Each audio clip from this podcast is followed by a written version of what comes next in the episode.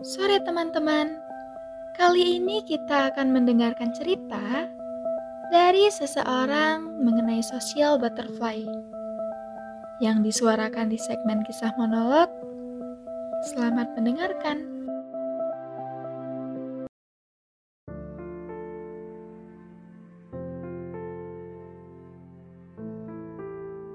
Ini ceritaku yang baru aja terjadi. Tepatnya, tentang temanku yang bisa dibilang seorang social butterfly. Oke, buat yang belum tahu, jadi social butterfly menurutku itu adalah seseorang yang punya banyak teman di mana-mana. Yang mudah berteman dengan siapa saja. Tapi yang terjadi sama temanku ini malah berlebihan. Terlalu berlebihan untuk disebut sebagai seorang social butterfly. Pada awalnya aku berpikir masa remajaku akan dipenuhi dengan kebahagiaan.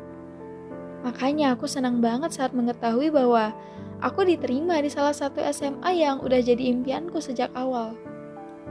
Di hari pertama pengenalan sekolah, aku gak ngerasa sendiri.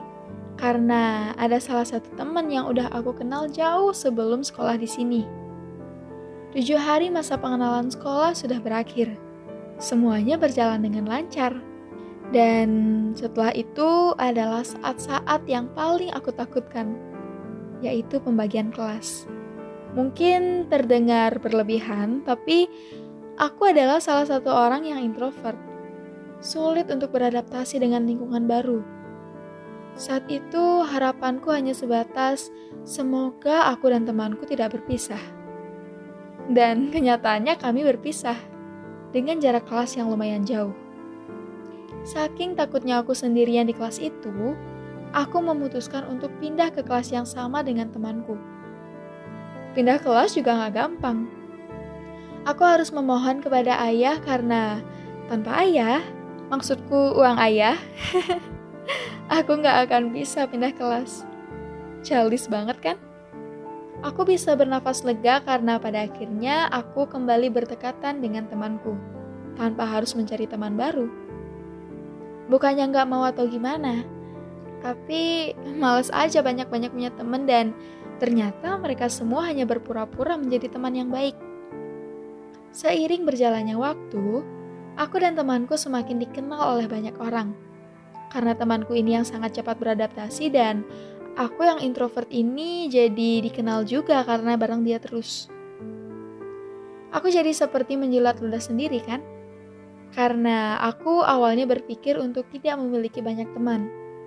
Tapi kenyataannya, aku sekarang berteman dengan banyak orang. Tanpa tahu apakah mereka semua tulus ingin berteman atau sekedar popularitas. Tapi saat di mana aku tidak habis pikir adalah saat di mana temanku menceritakan sebagian besar rahasianya kepada orang yang baru saja dia kenal. Bahkan orang itu pun ikut menceritakan rahasianya. Bisa aku bilang mereka mengumbar semua keburukan yang mereka miliki. Sepercaya itukah mereka satu sama lain? Aku tidak tahan dengan tingkahnya yang membuatku jengkel. Bukan jengkel sih, lebih tepatnya aku takut terjadi sesuatu kepadanya. Karena dengan gampangnya dia membeberkan rahasia yang bahkan aku sendiri sangat menjaga rahasia itu. Pada akhirnya, aku memberanikan diri untuk bertanya, "Kamu percaya banget ya sama dia?" Aku semakin tidak mengerti saat dia menjawab, "Memang kayak gitu cara berteman zaman sekarang. Kalau kita nggak saling membagi keburukan satu sama lain, kita nggak bakal punya teman." Dia langsung pergi dari kantin dan meninggalkan aku yang masih diam mencerna perkataannya. Hingga pada akhirnya, rasa percayaku kepadanya hilang. Dan sekarang aku berbalik meragukannya. Dia seperti bukan temanku lagi. Tapi aku memilih untuk tetap tinggal menjadi temannya. Toh rahasiaku juga tidak diumbar ke mana-mana. Sayangnya, lambat laun aku meragukan hal itu. Suatu hari kami sedang berkumpul di sebuah restoran Pastinya tidak hanya kami berdua, tapi masih ada beberapa teman di sini. Mungkin lebih tepatnya bisa dibilang orang baru yang baru saja menjadi temanku. Dia mengumbar keburukan salah seorang teman yang bertemu dengan kami di kantin waktu itu. Aku memberinya kode untuk berhenti mengoceh, tapi dia tidak peduli.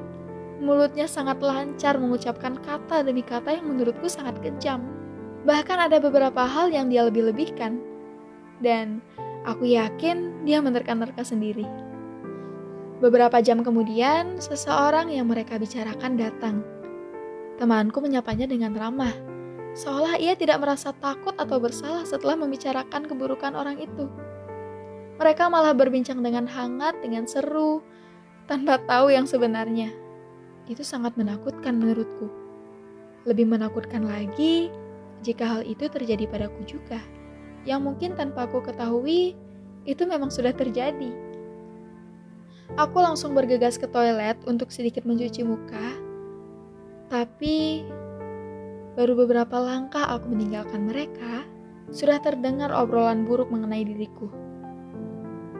Kamu jangan ajak dia lagi ah, males, kelihatan banget jarang keluar, gak seru, gak bisa have fun bareng dia lah. Itu terdengar jelas banget di telingaku. Dan tahu gak sih apa yang terjadi? Teman dekatku sendiri malah ikut mengiyakan apa yang mereka bilang. Dan dari sana, mulailah kata-kata toksik seperti, ah dia jelek, dia nggak pernah make up, nggak mampu atau gimana sih? Beli make up aja nggak bisa, beli skincare aja nggak mampu. Itu menurutku benar-benar jahat sih. Ya mungkin teman-teman di luar ada yang menganggap aku berlebihan, lebay, atau apa. Tapi bagiku itu memang jahat dan nggak bisa untuk dimaklumi lagi. Aku memutuskan untuk pulang, dan di rumah aku berpikir langkah apa yang harus aku ambil selanjutnya. Empat tahun aku berteman dengan dia. Baru saat ini aku melihat sisi buruknya. Entah dari dulu memang seperti itu, atau salah pergaulan di sekolah ini. Aku nggak tahu pasti. Yang pasti, aku tahu apa yang dia lakuin itu salah. Sempat terpikir aku mau ngasih dia pengertian, tapi aku itu siapa? Aku bukan siapa-siapa. Aku gak bisa. Setelah aku pikir-pikir, aku memutuskan untuk tidak peduli dan membiarkan semuanya mengalir begitu saja. Kalau diajak, ya sudah. Kalau enggak juga nggak apa-apa. Pasrah banget kan kedengarannya? Besoknya kita kembali sekolah seperti biasa. Dan dia asik banget sama teman-teman barunya. Kayaknya dia udah lupa sama aku. Aku berusaha nggak peduli, sendirian, main HP di kelas, nggak ada semangat untuk sekolah. Tapi lama-lama, aku nggak merasa sendiri lagi. Karena beberapa hari kemudian, aku punya seorang temen yang menurutku kepribadiannya hampir sama denganku. Sama-sama introvert. Tapi nggak apa-apa, lebih baik sedikit tapi tulus daripada banyak tapi nggak benar kan? Kita nggak gampang untuk bergaul dengan teman-teman sekelas. Ya tapi mau gimana lagi? Aku nggak nyaman untuk bergaul dengan banyak orang. Dan yang aku mau bilang ke kalian itu nggak banyak. Aku yakin dari cerita tadi, mungkin kalian masing-masing udah bisa ambil pesan tersendiri. Semuanya ada di tangan kalian pikirkanlah keputusanmu dengan baik.